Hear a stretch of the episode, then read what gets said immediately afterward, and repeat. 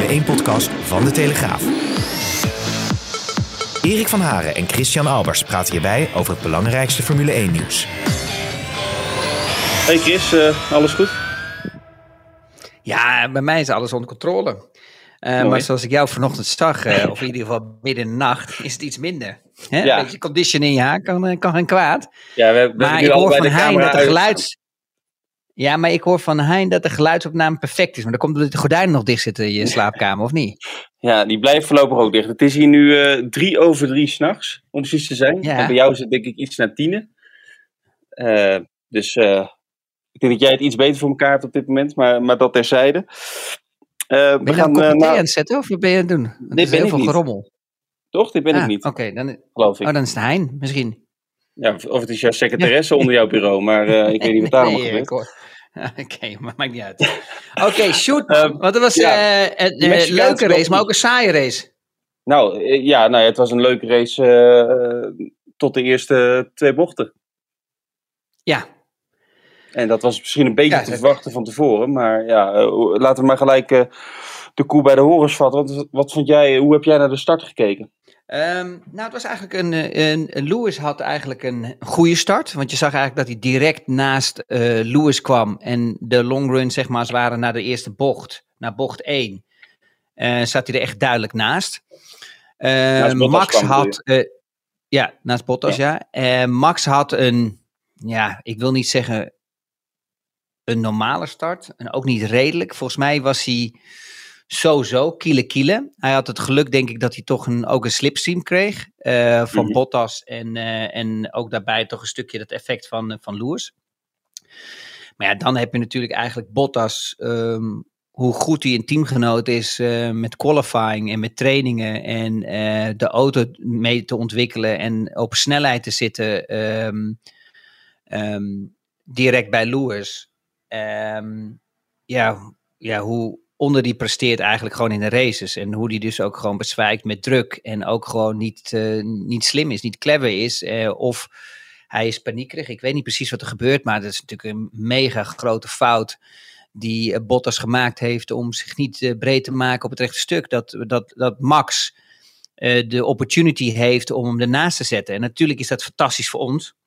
Want het heeft gezorgd dat Max gewoon deze race kon winnen. -hmm. uh, geniaal was het van Max natuurlijk dat hij gewoon uh, ja, toch een stuk later remde als de twee Mercedes. En dat hij hem gewoon buitenom voorbij kon uh, laten rollen als het ware met rolling speed, de eerste bocht. Ja, dat was natuurlijk geweldig om te zien. En dat laat maar weer zien, weet je wel, wat een natuurtalent Max is. En, en hoe hij dat gevoel heeft om in die eerste um, rondes, weet je wel, het maximale uit een auto te halen met koude banden. Uh, dat daar toch echt het verschil is met, met Bottas en met Lewis. Ja, en Lewis, ja, die verkeek zich daar natuurlijk op. Want die kan natuurlijk niet zo ver naar links kijken dat hij Max Verstappen ziet waar hij zit. Nee. En, uh, en, en die twee Mercedes hebben zich gewoon compleet gegalopeerd. Ja, dat is, dat is, gewoon, dat is gewoon echt een drama van Mercedes uh, bocht 1. Dus je was ja, eens met Toto krijg... Wolf uh, die na afloop zei, uh, ik snap niet dat ze hem niet blokkeren. Uh, nog even voor duidelijkheid, dan had Bottas dus volgens jou direct eigenlijk naar links gemoeten. Want ja, toen Max in de buurt kwam, dan mag het niet meer. Hè? Want je moet dan die, die auto breed laten. Maar dan had hij dat gelijk moeten doen, dan had hij natuurlijk niet naast kunnen zetten. Joh, ik weet echt niet waar hij mee bezig was. Want hij was zo dicht aan het kruipen bij Lewis Hamilton. Hij had gewoon een meter ertussen moeten laten dan had hij ook een meter had hij opgeschoven. En dan had Max er nooit naast kunnen zitten. Want dan had Max met zijn linkerwielen door het gras moeten rijden. En dan verlies je gewoon snelheid mee. En dan had hij moeten liften en dan was het klaar geweest. Dan had je gewoon Mercedes 1-2 gehad, de eerste bocht in. En dan hadden ze de race uh, uh, naar hun hand toe kunnen zetten voor de eerste paar rondes. Want ik denk nog steeds dat de Red Bull um, qua uh, level beter, een stuk beter was als, uh, als Mercedes. En dat hebben we gezien door de hele race ja. heen. Ze hadden gewoon een iets betere auto, ze hadden gewoon betere mechanische grip, ze hadden gewoon meer snelheid erin zitten als Mercedes.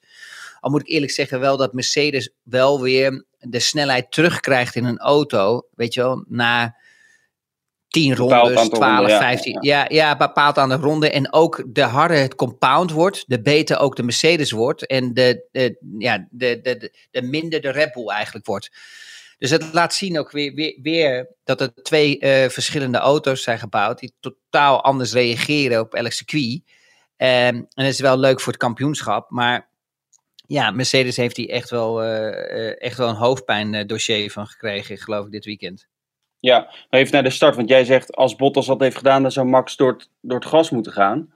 Um, ja. Maar dan had hij waarschijnlijk een penalty gekregen. Want Wolf was van tevoren nog bij Masi geweest. Die zei, uh, als je naar de start van twee jaar terugkijkt, uh, met Vettel en Hamilton uit mijn hoofd, toen gebeurde ook zoiets. Toen zei Masi, als dat nu gebeurt, dan krijgen we een straf. Kijk, Mercedes vraagt natuurlijk niet voor niets van tevoren.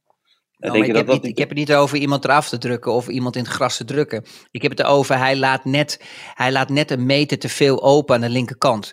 Ja, daar kan hij het probleem is dat Bottas, Bottas knijpt hem naar Lewis, omdat Lewis een goede start heeft. Waarom mag Joost weten, maar oké, hij, hij, hij stuurt eigenlijk naar rechts en sluit aan bij uh, Lewis, maar veel te dichtbij. Waardoor hij een gat links laat voor Max. Dus Max heeft alle tijd om in een slipstream te komen en hem dan ernaast te zetten. Want Max' start was helemaal niet zo geweldig. De start van, de start van Lewis was goed en de start van Bottas was redelijk. Hè, uh, tegen goed aan bijna, want je ziet dat ze uh, opgaan gelijk. Um, en maar, maar Max' start was niet zo, uh, zo goed. Maar door de, door de slipstream, doordat alle, zeg maar, alle wind wordt weggehaald voor de auto van Max, ja, zuigt de Red Bull in principe naar, uh, naar de twee Mercedes toe. Ja, en dan, en dan laat Bottas gewoon eigenlijk een meter te veel ruimte. Want als hij hem ietsje meer naar links had uh, gezet, dan kon Max er niet meer tussen. Dan kon hij zowel niet tussen Bottas en, en Lewis tussen, maar ook niet links van Bottas er voorbij. Dus ja, het was gewoon echt heel stom, omdat hij gewoon te veel gefocust was op, op, op Lewis. Als derde start op dit circuit is dan ook geen uh, enorm probleem. Zeker niet als Bottas dit doet natuurlijk, maar het is toch wel gek dat je als nummer 1 dan... Hè, Bottas doet het nu ook deels zelf, maar dat je dan een redelijk het nadeel bent. In Austin is dat natuurlijk nog uh, extremer, hè? als je daar als nummer 1 start. Dat hebben we twee weken geleden ook gezien. Maar je bent niet direct in het voordeel met zo'n lange aanloop naar de, naar de eerste bocht.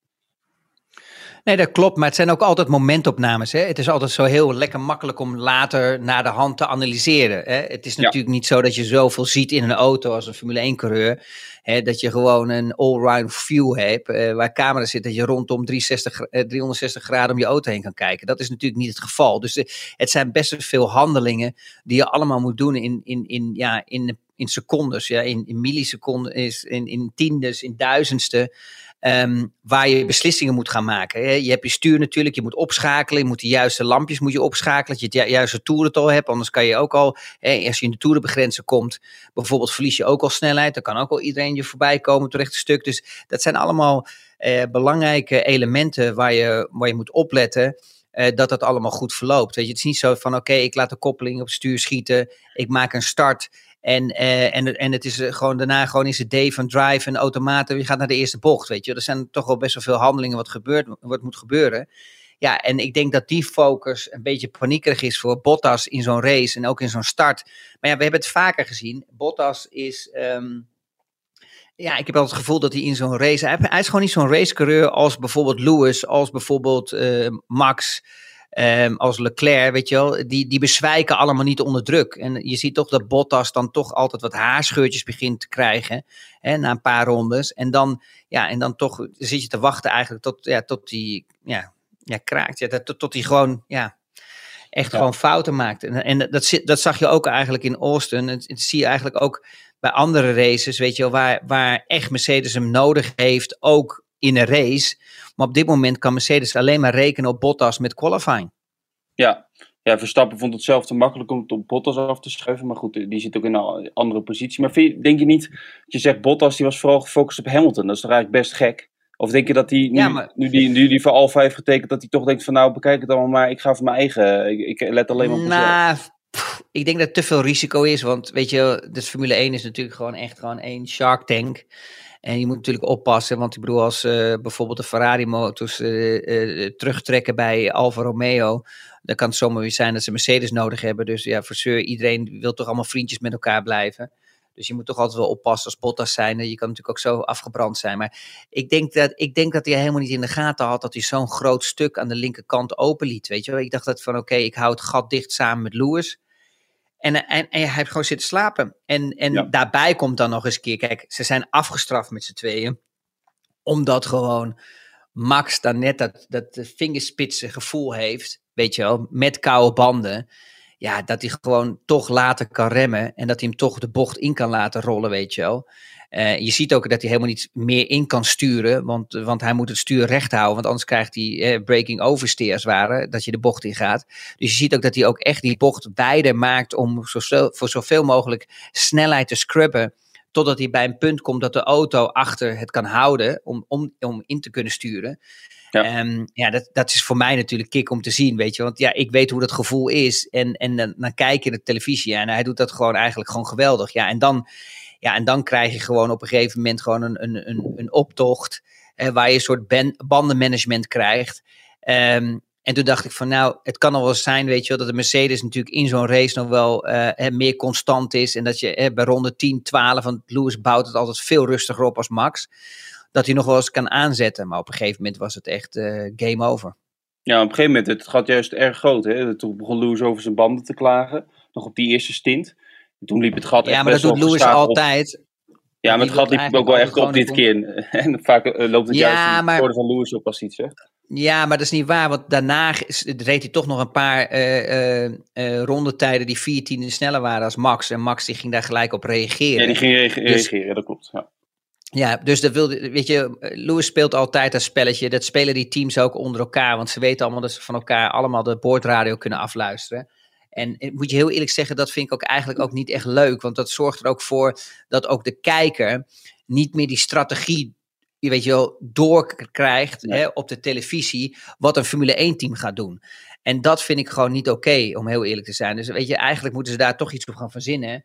Um, dat dat toch weer vrij, meer open wordt. Hè, dan in een soort gebarentaal als het ware. Hè, of gekapte, eh, weet je wel, uh, ja, bewoording. Hè, dat alleen de andere partij weet hoe of wat. Nou weet ik nog wel redelijk van als ze iets zeggen. Uh, je weet meestal wel een soort target met een pitstop ronde 25 plus 5. Nou, dat, dat weet iedereen natuurlijk wel. Dat is gewoon 25 ronden. Ze hadden, zouden ze naar binnen gaan en ze doen er nu plus 5. Dus ja, dat is vijf rondes extra. Dus dat, dat begrijpt iedereen ook nog wel. Maar echt de tactiek nog te bespreken door de radio dat is, gewoon, dat is gewoon meer verkapt. En dat is wel jammer voor de kijker om, om daarin meegezogen te worden. Dus dat vind ik wel jammer. Ja, Timo die vraagt, heeft Red Bull een kans op P2 laten liggen door geen undercut te doen met Perez op Hamilton toen hij even binnen twee seconden zat? Of was Hamilton met de hogere uh, snelheid op het rechte stuk wel langs zij gekomen? Nou, eerlijk gezegd heeft hij daar wel een punt. Want um, zoals Mercedes het eigenlijk verkloot heeft in de eerste bocht. Sorry voor mijn language, maar dat is natuurlijk wel zo. Want die twee, eh, tenminste in ieder geval Bottas heeft geslapen. Want Lewis kan er niks aan doen. Die kan moeilijk Bottas naar buiten drukken. En Lewis ziet ook niet Max Verstappen. Dat kan je niet zien in je spiegels. Want die zat al eigenlijk naast Bottas. Dus die weet ook niet dat Max daarnaast zit. Want anders had hij misschien ook nog wat later kunnen remmen. Het hele probleem is eigenlijk dat Mercedes het eigenlijk zo eigenlijk vergooid had in de eerste bocht. Ja, dus alles was gewoon in één keer stuk, ja, in diggelen. Zat Red Bull ook eigenlijk weer te slapen. Hè? Ondanks dat ze geniale pitstops hebben, hè, die altijd heel snel zijn. Maar als, als uh, Perez gelijk de ronde na Lewis naar binnen was gekomen, dan had hij gewoon een mogelijkheid om voor Lewis naar buiten te komen. Want Lewis kwam precies in het verkeer waar hij best wel wat last van had en waar hij juist net niet die rondetijd mee kon draaien. Dus ja, ze hadden daar veel beter op kunnen, uh, ja, uh, ja, veel beter op kunnen reageren direct, omdat ze ook zagen dat Lewis in het verkeer kwam. Waardoor, ze, waardoor hij niet dat, die tijden kon draaien zoals iedereen kon draaien op die nieuwe banden. Dus dat was echt wel een beetje stommig, moet ik eerlijk zeggen. Want dan had je een 1-2 voor Red Bull gehad. En dat was natuurlijk echt serieuze schade voor uh, Lewis. Ja. Qua punten. Ja, en nu zie je toch, uh, ja, ik denk, niet, ik denk niet eens dat het heel veel had uitgemaakt. Want ervan uitgaan dat Lewis daarna nog naar binnen was gekomen voor een snelste ronde. En dan had het misschien, uh, nou, net iets gescheeld. Heb je nog gezien dat Verstappen Bottas ja, probeerde op te houden? natuurlijk de put. Ja, maar je, je, nou ja, dat, dat was niet, ja, eh, weet je, ik, ik vind het altijd een beetje moeilijk in te schatten, want ik denk dat hij meer gefocust was in, um, in, in, in echt die snelle ronde van, van Max af te pakken. En, en dat is ja, wel belangrijk. Max, Max, erkende wel dat hij, uh, ja, Bottas wilde die snelste ronde afpakken, maar Max erkende wel dat hij hem... Uh, die, zat, die was flink snelheid aan het verminderen in die laatste sector. Dat stadiongedeelte. Dat zag je ook goed op de beelden. Alleen daarna heeft Bottas natuurlijk alsnog gepakt in de laatste ronde. Maar goed, dat, dat, dat zegt alles over hoe dat gaat. Uh, dat elk puntje telt blijkbaar. In de, blijkbaar ja, maar Max die maakte ook in het stadion een foutje. Ja, hij verremde zich ook dat... Opgesloten, ja. Maar toen zat, toen, zat, toen zat Bottas ook opgesloten. Bottas moest die snelste ronde doen. Dus voor mij was het eigenlijk meer een beetje andersom, moet ik eerlijk zeggen. Waar hij gestopt werd om die snelste ronde te draaien. Daarvoor ging hij nog één keer naar binnen, want die set banden die werkte niet, blijkbaar. Of hij kreeg het net niet voor elkaar. En toen hebben ze het nog een keer gedaan. Ja, maar dat is precies wat ik zeg. Ja, je zei dat Max een beetje werd opgehouden, de Bottas. Nee, Max, blokje, nee, Max was Bottas aan het ophouden, bewust. Want hij heeft... Ja, ja, oké, sorry, sorry, daar had ik een fout. Oké, oké. Dus hij was helemaal, hij, hij reed natuurlijk zo ver voor, dan kun je natuurlijk ook met andere dingen bezighouden. Op een gegeven moment was het gat natuurlijk enorm. Uh, uiteindelijk was het gat wat was 17 seconden met Lewis. En vind, vind je nou, ik zat dan wel een beetje, vind je nou dat Perez een goede race heeft gereden of had hij er zelf ook meer uit kunnen halen? Als je dat snelheidsverschil toch, of die goede pace van Red Bull zag. Ik had toch het idee van, nou ja, weet je, het probleem is op een gegeven moment, weet je, moet je met Formule 1 over alles praten natuurlijk. Hè, wat er ook allemaal gaande is. Maar eigenlijk gaat de strijd alleen maar om Lewis Hamilton en Max Verstappen. En dat zijn de twee talenten, ja, die echt aan elkaar gewaagd zijn. En op een gegeven moment gaan we ook de andere mannen gaan we ophemelen, zoals een Bottas. Maar eigenlijk als je daarna gaat kijken, ja, hij heeft natuurlijk een geweldige kwalificatie gereden. Maar aan het eind van de dag moet je ook een racecoureur zijn, natuurlijk om wereldkampioenschappen en, en races te kunnen winnen. En dat is hij niet. En als je gaat kijken naar Perez, ja, weet je, ik word een beetje moe van al die verhalen dat hij een bandenfluisteraar is. Ja, weet je, wat, hoe bedoel je bandenfluisteraar? Ik bedoel, Max Verstappen, die, die rijdt hem gewoon helemaal om zijn oren. En, en wat doet hij dan? Ik bedoel, die fluistert niet naar zijn banden of zo? Nee. Die heeft dat niet nodig. Nee. maar dus we, we, we, weten, we weten natuurlijk gewoon dat het een tweede coureur is. Maar als Hamilton zelfs een sneertje uitdeelt van als, als, als, zelfs Perez achter mij zit. Ja, maar ik hoor alleen maar die verhalen altijd overal in de pers van Perez dat hij zo goed kan omgaan met de banden. Ik heb het dit jaar weinig gelezen. Even, ik heb het dit jaar niet zoveel nee, gezien. Nou ja, het is wel zo, want het wordt elke keer verteld overal. Maar oké, dat doet er nu even niet toe. Het gaat er eigenlijk om, als je gewoon gaat kijken naar de race, is Max net zo goed op zijn banden, als wel niet beter, als Perez. Want er zit meer snelheid in. Mhm. Dus aan het eind van het verhaal zie je gewoon dat Max natuurlijk gewoon echt gewoon Perez een gigantische schop onder zijn kont geeft. En als je gaat kijken naar dit weekend, ja, weet je, Red Bull had gewoon de beste auto. Dus als, ik, als je het mij gaat vragen, vind ik dat Perez slecht gepresteerd heeft, want die had gewoon 1-2 moeten zijn. Ja, dat is ook een beetje mijn. Eh, kijk, het komt voor mij niet als een verrassing, omdat ik eh, Perez natuurlijk niet op het niveau van die twee staat. Maar als je die auto ziet, en het snelheidsverschil. En, en ik zie die enorme blijdschap. Ja, ik snap die euforie wel. Hè, als je voor het eerste podium staat in eigen land met dat geweldige publiek erbij. Maar ja, derde was er eigenlijk. Was natuurlijk, nee, derde was natuurlijk een hele logische plek. Want dat lag hij al naar, naar, naar Bottas uh, eraf spinde. Uh, dus eigenlijk heeft hij gewoon gedaan wat hij moest doen. Maar hij had eigenlijk tweede moeten worden. Dat had hij moeten doen eigenlijk. Ja, om even terug te komen, dat eraf springen, uh, spinnen.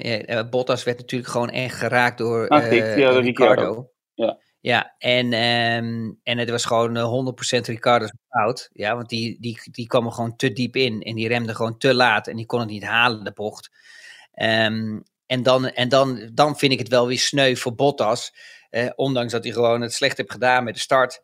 Maar dan vind ik het wel sneu natuurlijk dat je dan godverdomme nog eens hier gewoon even 30 ronden achter die Ricardo de hele tijd rijdt. Ja, daar word je toch echt helemaal beschokken van, of niet? En, die stop, die als stop ik die auto had gezeten, had ik hem gewoon achterin gereden.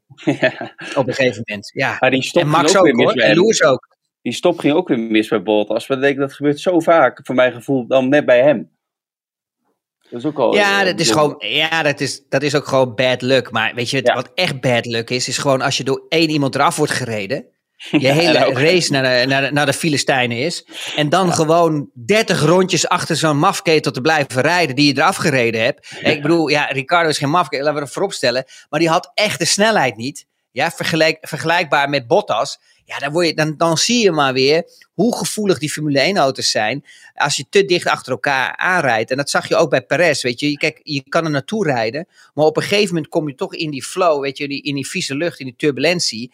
Ja, en dan krijg je een moment dat, dat Bottas ook echt zijn banden gaat. Weet je, een hogere temperatuur krijgt. En omdat hij minder downforce krijgt. Ja, en dat is gewoon nu zo moeilijk op, in, in deze tijd met Formule 1 het is gewoon echt heel erg belangrijk om je goed te positioneren met de start en een goede qualifying te hebben. Ehm, want dan is de kans eigenlijk uh, bijna een heel dat je, dat je wel momenten hebt dat je kan, kan inhalen. Ja, behalve natuurlijk op circuits waar echt hele lange rechte stukken zijn. Maar je ziet gewoon dat de Red Bull heel erg gewaagd is aan de snelheid ook van de, uh, van de Mercedes. En natuurlijk is Mercedes de auto die het snelst en het hardst loopt. Maar aan de andere kant missen ze ook wel weer wat mechanische grip en medium uh, speed corners. Waardoor het weer uh, balanceert met de Red Bull. En dat, is, en dat is wel leuk om te zien. Ja, inderdaad. Um, Ferrari is toch ook een uh, goede slag hè, met oog op plek 3. Want McLaren had niet het beste weekend. En uh, nee, ja, Ferrari heeft... 5 en 6.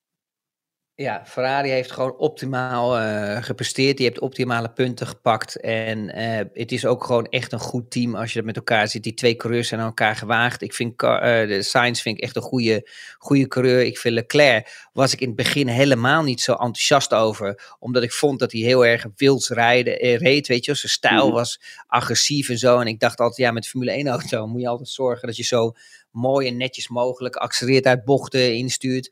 Maar blijkbaar werkt zijn stijl. En ja, en moet je eerlijk zeggen, ik lijk steeds meer onder de indruk van zijn, uh, van zijn kwaliteit en capaciteit. Want hij staat er toch continu. En ook met qualifying. Um, ja, hij doet, het, hij doet het gewoon hartstikke goed. En, en ik vind dat Ferrari echt goed teruggekomen is. Ja. Ja, en je merkt eigenlijk dat ja, de meeste focus allemaal ligt natuurlijk op Lewis en Max, het gevecht voor het wereldkampioenschap. Um, maar het is ook wel knap dat, dat uh, Ferrari zo goed terug is gekomen. En je ziet ook dat de strategie ook heel goed is. Het loopt ook echt heel erg gesmeerd. Je ziet dat dat team dat wel heeft. Vergelijkbaar bij Red Bull en uh, Mercedes heeft, vind ik dat uh, Ferrari qua strategie het altijd beter voor elkaar heeft. Ja. Het maximale eruit. Ja. Qua team, hè? Ja, en ook met die nieuwe auto's volgend jaar, daar zijn ze bij Ferrari ook, uh, wat ik ervan begreep, ja, toch heel optimistisch over hoe, hoe dat gaat. Ze hebben sowieso dit jaar natuurlijk een aardige stap gezet in de goede richting. Maar je merkt toch bij heel veel teams, zeker bij Ferrari en McLaren, die natuurlijk die stapjes al hebben gemaakt, dat ze denken dat ze volgend jaar nog, ze denken niet in één keer dat ze voor bij uh, Red Bull en Mercedes zijn, maar dat ze dan nog net die extra stap kunnen zetten richting de top, zeg maar. Dat zou natuurlijk voor het kampioenschap alleen maar leuker zijn. Ja, je mist eigenlijk een snelle motor een beetje, hè? om een beetje ja. bij te komen. dus dat is wel nou, daar heeft McLaren geen last van, maar Ferrari wel, ja. Ja, Ferrari heeft er last van. Uh, dat is wel jammer. Ja. Um, maar ik vind met McLaren is eigenlijk ook, je zag bijvoorbeeld dit circuit, je ziet dus hoe goed qua aerodynamica van efficiency uh, die McLaren is. Dat het gewoon zo moeilijk is voor Bottas om in te halen. Je ziet dus gewoon dat, dat, dat de McLaren minder downforce heeft, maar dat het gewoon op het rechte stuk zo hard loopt. Dat, gewoon, dat gewoon zelfs voor Bottas gewoon bijna onmogelijk is om voorbij zo'n McLaren te komen. En dat laten we zien, dat is, dat is echt het karakteriek van het bouwen van een auto van um, ja, James Key, weet je wel. Dat heeft hij altijd al gehad.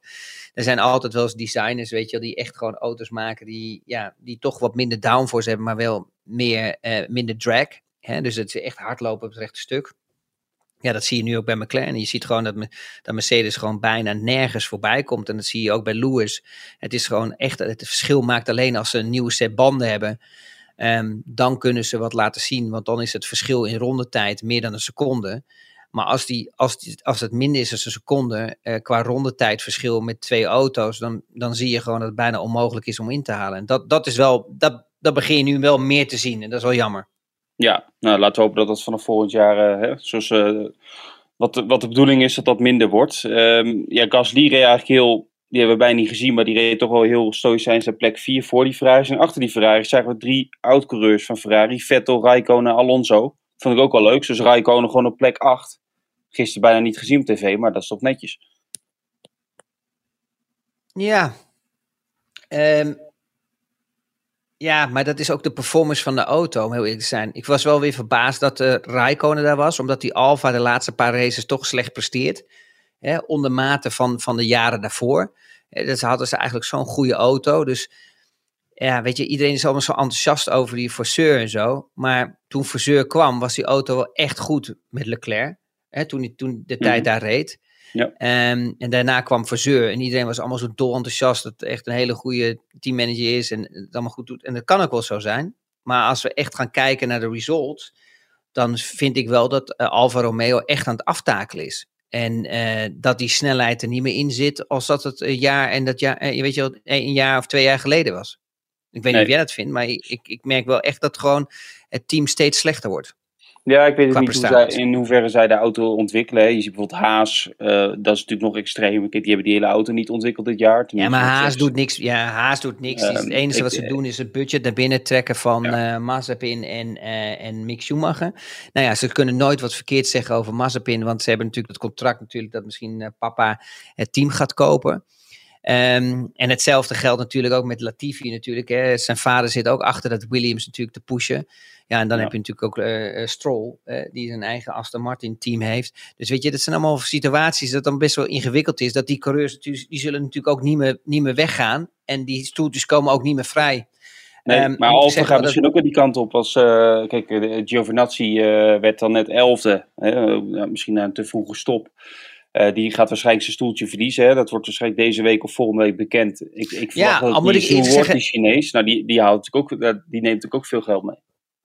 Ja, maar het kwam, ik moet wel eerlijk zijn dat, uh, dat hij de laatste paar races wel goed gepresteerd heeft. Hè? Vorig jaar en de jaar daarvoor. Hij liet wel wat dingen zien dat ik dacht ja, van, na de, na de zomer zeker. Ja, ja. ja, daar was ik best wel verrast. Uh, maar het grote probleem bij Alfa Romeo is dat eigenlijk uh, meneer Rousing eigenlijk klaar mee is. Kijk, meneer mm Rousing die is natuurlijk van Tetra Pak. En die heeft dat team gekocht eigenlijk voor Marcus Ericsson. En die forceur die heeft eigenlijk die Ericsson een beetje eruit gedrukt op een gegeven moment, na een jaar. Um, en Ericsson is naar Amerika gegaan, die heeft daar reuze naar zijn zin. Maar die Rousing zit nu met het Formule 1 team. En die Rousing die heeft het alleen maar gekocht omdat hij in Zweden is en dat hij een Zweedse Formule 1 coureur wou hebben. Dus op dit moment, weet je wordt hij toch een beetje moe van, van de Formule 1 team. En merk je dat hij er minder geld in wil stoppen. Ja, en dan, ja, net wat jij zegt, dan moet je op zoek gaan naar coureurs eh, die toch al die commitment hebben om dat budget mee te nemen. Ja, nou ja het was natuurlijk uh, de laatste weken leek het lange tijd erop uit te draaien dat Andretti het team zou overnemen. Dat is uiteindelijk afgeketst. Maar dat was toch, um, volgens sommigen was dat zelfs al rond. Maar dat was, die hebben een beetje voor hun beurt gesproken. Want dat is toch op het laatste moment is die deal geklapt. Dus dat zegt, dat, zegt dat, dat onderstreept jouw verhaal. Dat er iemand zit die eigenlijk er vanaf wil. Ja, maar daarbij is, weet je, iedereen, weet je, Mario Andretti is ook niet gek. Die weet ook in Formule 1, je kan alleen, je kan alleen financieel eruit komen als je genoegen neemt met achteraan mee te rijden. En het geluk te hebben dat je een keer een punt scoort. En je businessmodel zo maakt dat je coureurs hebt die genoeg betalen uh, om het hele circus te kunnen betalen van een Formule 1 team. Dan kan je een Formule 1 team hebben. Maar je kan niet een Formule 1 team hebben met de intentie om gewoon uh, in de top 5 te komen. Want dat is onmogelijk, want daar heb je zoveel budget voor nodig. Dat, dat, dat, daar heb je een paar jaar voor nodig dat gaat hem niet worden. Weet je wel, dan word je helemaal leeggetrokken. En dat zie je nu aan Haas ook. Die begint er nu ook een beetje zagrijnig van te worden. Want je kan nog zo'n biljonair zijn als je wilt. Maar een biljonair heeft nooit zoveel cash of liquiditeit op een bankrekening staan.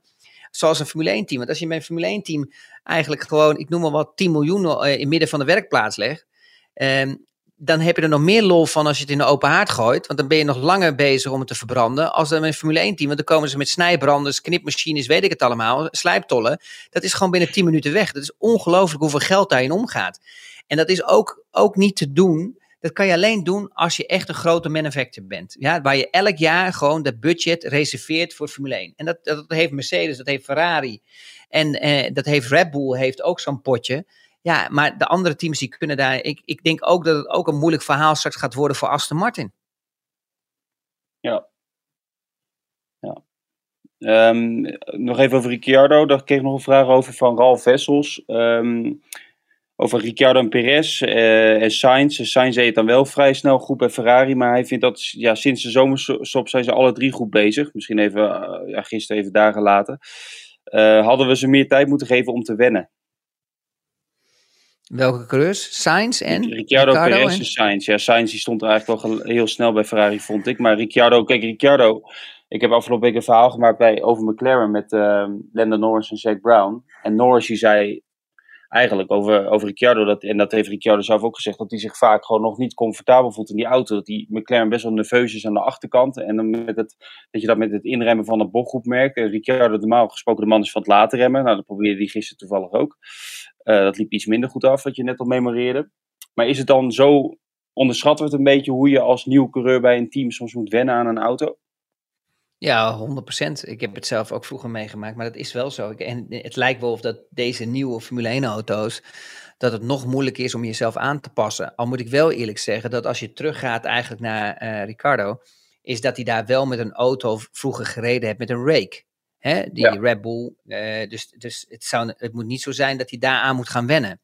Bij andere coureurs zeg ik van ja, oké, die in één keer in een nieuw team komen, weet je wel, van, van nuls af aan, die met auto's moeten gaan rijden die nu in één keer zo'n rake hebben. Ja, dat is toch wel wat nerveus, daar moet je mee leren rijden. Daar moet je dat gevoel bij terugkrijgen. Je ziet dat heel erg bij, uh, bij Vettel, dat hij daar best wel veel moeite mee had bij Ferrari. Maar je ziet nu dat hij wel beter gaat presteren bij Aston Martin omdat die ook wat minder rake heeft als dat, uh, als dat de Ferrari had of de Red Bull op dat moment. Dus bij Red trouwens, daar waren ze natuurlijk, daar hadden ze in die tijd ook al ietsje minder. Het kwam pas later, toen hij wereldkampioen werd en zo. Maar je merkt wel dat ze gewoon steeds langer nodig die coureurs hebben om zich aan te passen. Um, en dat was vroeger anders. Vroeger waren ze gelijk snel. Maar aan de andere kant, als je dan weer gaat kijken naar de echte natuurtalenten, zoals een Max. Ja, weet je, hoe lang heeft Max nodig gehad om zich aan te passen? Nou, niet heel lang. Dat won de eerste race. De eerste, de eerste race won hij. ja, snap ik bedoel. Ja, dus het is een beetje. Alonso donderdag dus ook nog, ja. Ja, dus het is een beetje. Dus ja, het is een beetje koffiedik kijken. De ene heeft gewoon. Kijk, het ligt gewoon aan het gevoel wat je hebt in de auto. Het ligt aan de zitpositie. Als je te rechtop zit, weet je, het kan zijn dat je al hè, die connectie met de, met de achterkant al mist. Weet je, dat je dat niet meer voelt. Weet je, je moet wel het gevoel hebben als coureur zijn. Dat je echt gewoon vertrouwen hebt in die achterkant. Ja? Als je dat niet hebt, dat zei ik al tegen je, dan de, theoretisch verlies je misschien twee, drie tienden. Ja, maar echt in, in, in reality verlies je een seconde, omdat je gewoon minder vertrouwen hebt. En dat is het gevaarlijke ervan. Dus ja, weet je, ja, blijkbaar hebben de coureurs meer tijd nodig om zich te kunnen aanpassen. Ja, ik weet niet, eh, hoe heb jij, eh, heb je, ja, ja, zeg maar, je wilt nog Ja, by the way, um, had jij gehoord ook wat het probleem was ook bij die achtervleugels van, uh, van Red Bull? Ja, ik begreep dat voor de kwalificatie op zaterdag uh, dat het probleem was met de achtervleugel van Max. Ik weet niet precies wel. En dat Max toen de achtervleugel van Perez kreeg. Nou ja, wat het probleem was, is eigenlijk heel simpel. Dit was het enige circuit voor Red Bull waar meer lood, dus meer gewicht op de achtervleugel was, mm als alle andere circuits. En dan zou je eigenlijk denken, ja, was dat dan niet gevaarlijk in de race? Nee, want in de race is de, uh, is de, um, de snelheid minder dan een kwalificatiemode. In een kwalificatie ga je harder, waardoor je dus meer gewicht op die achtervleugel krijgt. En wat ze hadden, is ze hadden haarscheurtjes in de achtervleugel, die ze dus meerdere keren moesten repareren. Uh, En blijkbaar gaf Mexico meer downforce, hè, dus meer load, dus meer gewicht op de auto als Hongarije, als Monaco, wat een high downforce circuit is.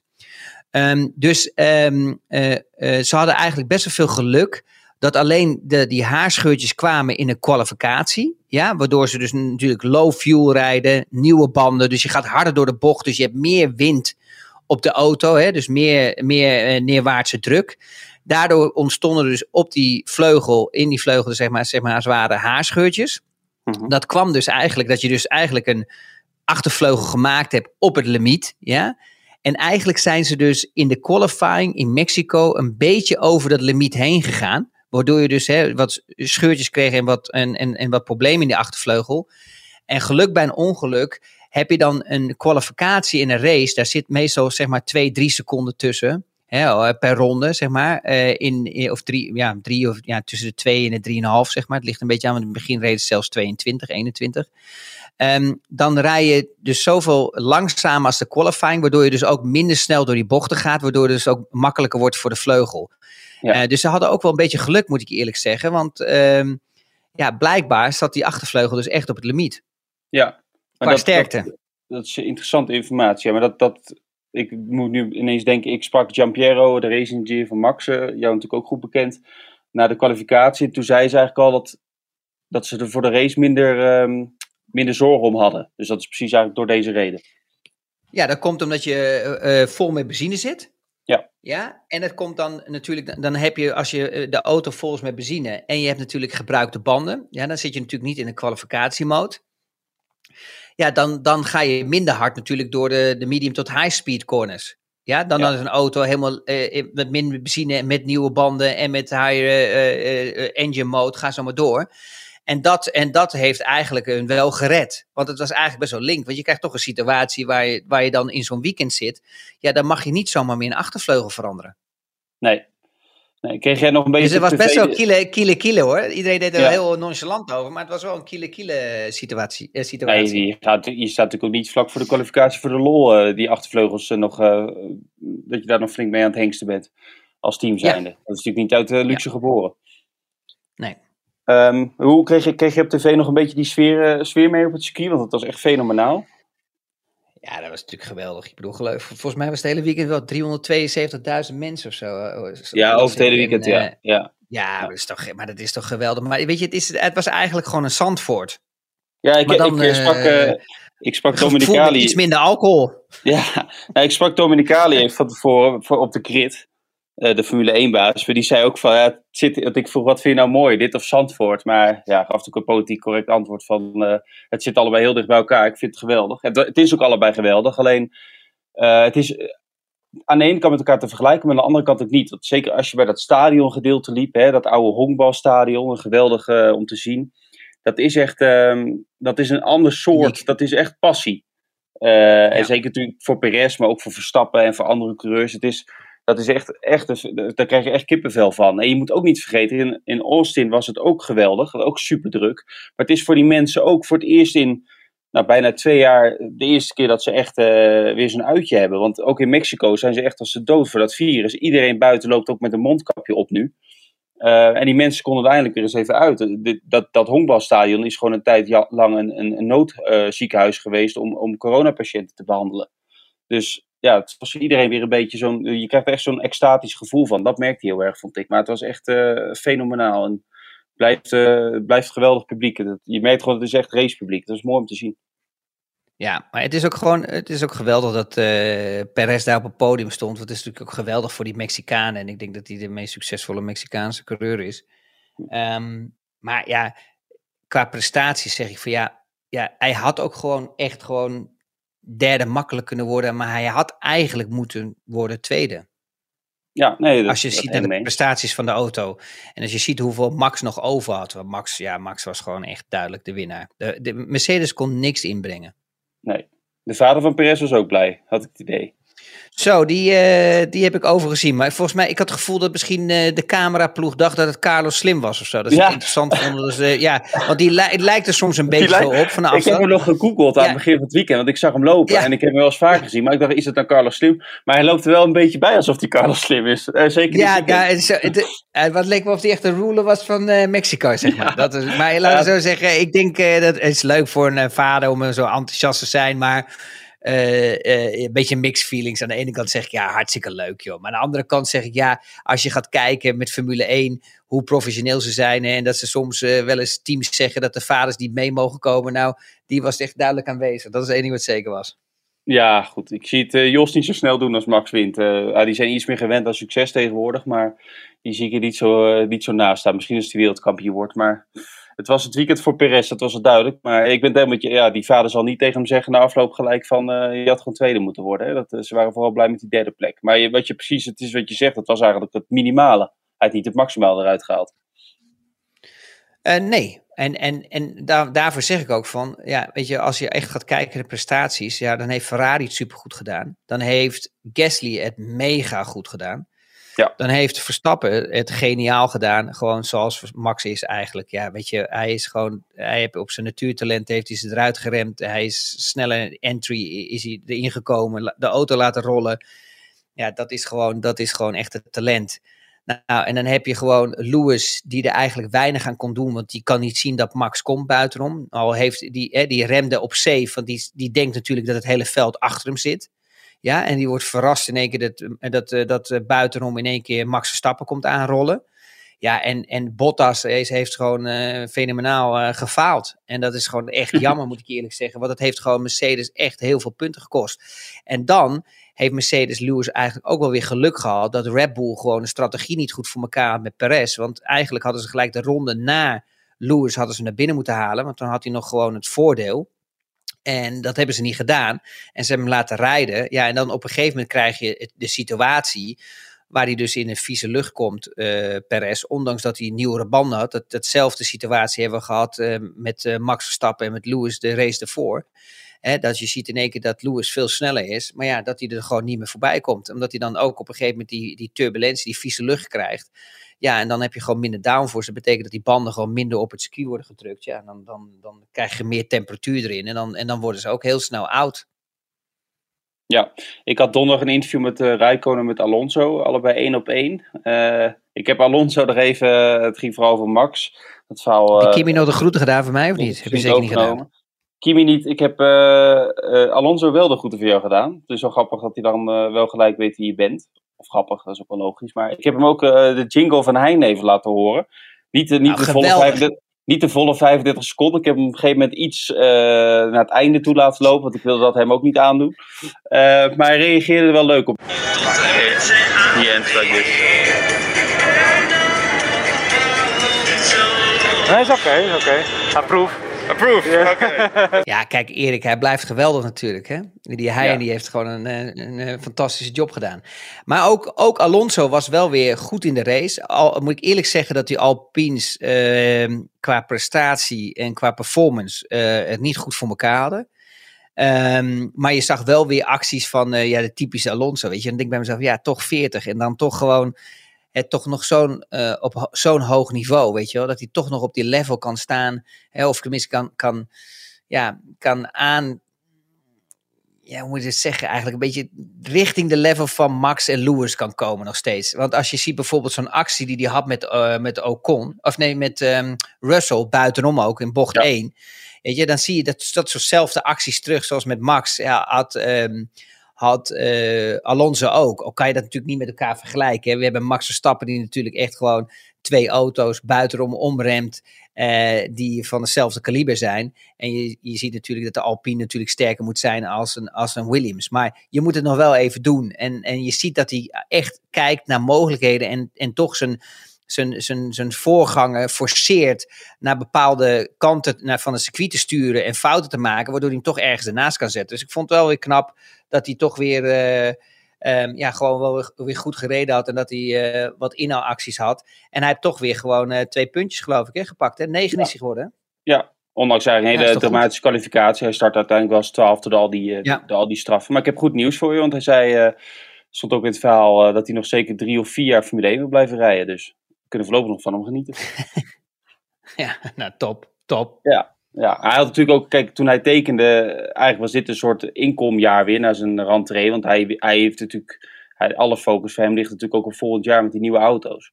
Kijk, dan is het de bedoeling dat de coureur meer invloed heeft. En dan kunnen we natuurlijk nog meer van hem gaan genieten, hopelijk.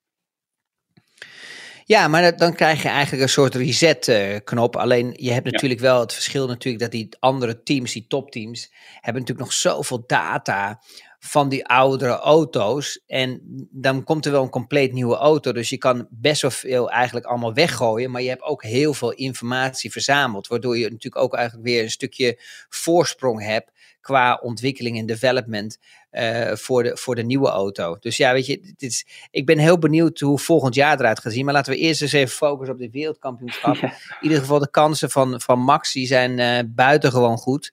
Um, ik denk dat het in um, Brazilië nog wel eens uh, echt heel spannend kan worden tussen de Mercedes ja. en de Red Bull. Um, vooral natuurlijk ook hè, het rechte stuk naar boven, de krachtbron naar boven. Um, en je hebt toch echt wat medium-high speed corners, waar die twee dan toch wel meer gewaagd in elkaar zijn. Je hebt minder mechanische grip. Ja, je hebt bijvoorbeeld alleen dat, dat, dat ingedeelte. Hè, uh, uh, heb je een paar van die, van die hairpins zitten, waar, wat belangrijk is. Um, maar dat is niet, het meeste van het circuit is toch echt een beetje medium-high speed. Dus ja, ik ben benieuwd. Ja, het gaat er volgens mij gewoon weer om wie het het beste voor elkaar heeft. Want we zien toch de afgelopen weekenden dat het ook tijdens het weekend nog flink kan veranderen. Kans bestaat ook nog wel, dat idee heb ik toch nog telkens, dat Hamilton misschien toch nog die motor moet wisselen. Al is het maar één component. Het zal hem dan op vijf plaatsen grids afkomen te staan. En als ze het moeten doen, of als ze er niet helemaal zeker van zijn, dan lijkt mij Brazilië de, ja, het moment voor Mercedes. Want veel later kun je het niet meer doen. Ja, ik denk dat ze gaan proberen het niet te doen. Nee, dat denk ik, ik denk ook, maar misschien als denk ze het risico, risico gaan nemen. Nee, maar waarom, nee. waarom, waarom ik zeg van Brazilië dat het leuk wordt. Ik denk dat de qualifying gewoon mega dicht bij elkaar gaat liggen. Omdat je een Red Bull hebt die gewoon echt uh, op dit moment bij de meeste squeeze toch wel echt een, een sterke auto heeft. Um, maar je krijgt de twee karakteristieken van de twee auto's, die komen heel dicht bij elkaar, omdat dit de layout is van het circuit van Brazilië. Dus je hebt een Red Bull die natuurlijk gewoon fantastisch is in mechanische grip en medium speed. Uh, daar zijn ze gewoon veel sneller als de, als de, als de, als de Mercedes. En Mercedes heeft het gewoon goed voor elkaar qua hè, power. Nog steeds een Mercedes motor. Dat je naar boven komt, die laatste bocht moet je toch helemaal naar boven trekken eigenlijk met die motor. En je hebt natuurlijk best wel veel high-speed corners. Dus ik denk dat ze nu echt gewaagd van elkaar zijn. Ik denk dat je niet meer dat gat gaat zien zoals in de qualifying. Dat je gewoon vier tiende verschil zit. Ik denk dat ze nu echt heel dicht bij elkaar gaan zitten. Nee, we krijgen kwalificatie op vrijdag hè, na één training. En dan zaterdag is er weer een uh, sprintrace voor de kwalificatie. voor de race. Ja, dat kan wel eens goed zijn eigenlijk. Want je ziet altijd dat Max gewoon eigenlijk meteen goed is. Sorry, dat Max eigenlijk meteen goed is. Um, en dat, dat die Mercedes echt gewoon meer tijd nodig hebben om ze te ontwikkelen. Je ziet ook eigenlijk door zo'n weekend heen dat de Mercedes pas beter gaat presteren als er meer rubber komt. Dus hoe greener het circuit is, hoe moeilijk het is voor Mercedes en hoe makkelijk het is voor Red Bull. Dus Max kan al wel eens de kans hebben dat hij, dat hij goed kan presteren op vrijdag. Ja? En dat hij daardoor, dat hij daarmee het, het weekend kan redden. Want als er meer rubber komt, wordt die Mercedes ook sneller. Hè? En het kan best zijn dat de Mercedes dan sneller is dan de Red Bull. Ja, ja. Wat, wat vond jij eigenlijk als coureur van dat circuit? Interlagos? Ja, ik moet je eerlijk zeggen, ik vind het een geweldig circuit. Maar het is, het is zo. Het is ja, zo raar, want het zijn gewoon twee verschillende werelden. Je, je rijdt daar met de Formule 1-auto, je bent Formule 1-coureur. En dan, dan, dan ga je door de laatste bocht heen, dan ga je het rechte stuk op en dan, en dan krijg je foto's. En dan zie je op de achtergrond zie je natuurlijk de Krottenwijk. Weet je, het is, het is zo, mhm. Ja, zo'n groot verschil in, in, in de wereld. Ehm, ja, dat ik daar soms wel eens, weet je wel, wel eens moeite mee heb. Maar ja, je, je, kan ook niet iedereen helpen in deze wereld. Dat is, dat is ook natuurlijk soms wel eens een probleem. Um, je kan wel je best doen, maar ik vind, ik vind eigenlijk net zoals Mexico, net zoals jij ook zei van het weekend, hè, je, je, je kan daar niks meer om. Je, kan, je moet oppassen, je moet je passen afdoen, je moet oppassen dat je niet in een te luxe huurauto rijdt. Ja, weet je, dat ja, zijn ik vind het in Mexico compleet andere werelden. In Mexico, uh, ik ben nog nooit in Sao Paulo geweest, komt ik het op de eerste keer, maar in Mexico vond ik het niet, heb ik me op geen moment onveilig gevoeld. Maar dat had ik twee jaar geleden ook niet. En misschien is dat in Brazilië anders. Uh, in kijk, om, in Mexico en in Brazilië, als je hier een huurauto hebt, dan krijg je inderdaad speciale passen um, uh, um, voor achter je raam. Die normaal moet op, uh, die, die plak je altijd op. Maar dit zijn dan van die passen die je er elke dag af kan halen. En dan er weer op kan plakken als je bij het circuit bent. Dus dat wordt wel aangeraden om dat er gelijk af te halen. Maar Mexico. Um, ja, dat, daar heb ik me wel veilig gevoeld. En daar heb je natuurlijk ook hele goede wijken. Dat zou in Sao Paulo ook zo zijn. Maar bij het circuit is het redelijk. Ja, maar ik had het precies hetzelfde. Maar ik had het precies hetzelfde in Brazilië. En ik dacht ook dat het allemaal oké was. Ja, totdat Jensen Button gewoon overvallen werd, weet je wel. En die ik op het circuit zag. Ja, weet je, dan wordt de wereld toch iets anders.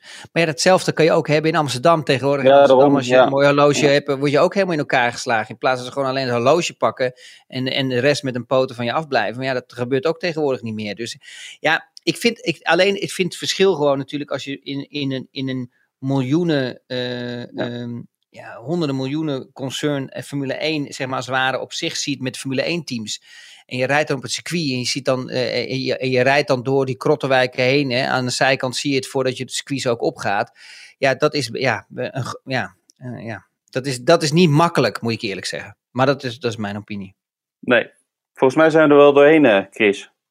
Dan ga ik weer even naar bed. Nou ja, ja. zou ik zeggen, doe een lekker snurkie. en we spreken elkaar uh, ja, we zijn even, uh, Brazilië. Ja, even nog een mededeling van de huishoudelijkaart. We zijn er volgende week, dus na de race in Brazilië, um, op dinsdag. Dat heeft met, een, met mij te maken. Ik steek de hand dan gelijk mijn eigen boezem. Dat ben ik jou even voor, Chris. Want ja, ik zit eigenlijk maandag de hele dag in het vliegtuig. Uh, dus, nee, uh, je moet eerlijk zijn. Je wilt niet, uh, je meisje komt je ophalen op maandagavond. Ja, en daar wil je gewoon eigenlijk tijd mee ja, doornemen. Door, ja, doormaken. Dat ken ik en, zeker niet. En, daar, en daardoor zet je mij gewoon aan de kant. En laat je mij gewoon eigenlijk weer dinsdagochtend opdraven.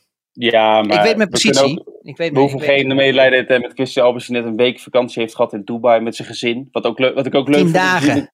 Nou, Tien en, dagen. en Gordon kwam zelfs nog voorbij. Ik weet niet wat daar allemaal gebeurde, maar ik, ik viel bijna van mijn stoel. Ik zag ook alweer wat foto's met je gezin dat jij dan weer met die telefoon aan je oor zat. Vind ik ook altijd fenomenaal om te zien. Ik denk, heeft hij wat tijd voor moet, moet door, eh, Iemand moet de vakantie betalen. Er moet gewoon doorgewerkt worden. Ja, maar ik moet je eerlijk zeggen, ik ben alweer toe aan de vakantie. Want ik heb alleen met die twee jongens alleen in het waterpark gezeten. Dus mijn handen zien er ook uit of dat gewoon bij het veld eraf valt. Maar het was wel leuk. Ik moet je eerlijk zeggen, het was wel leuk. Maar... Uh, het is toch wel grappig als je dan zo weer terugkomt naar Europa. Dan heeft Europa toch wel wat hoor. Eh, als je dat toch van zo'n woestijn terugkomt. Het kan allemaal wel zo'n hype zijn in Dubai. Maar je hebt nooit die charme en die, in, in, zoals wij in Europa hebben. Dat kan je echt nee.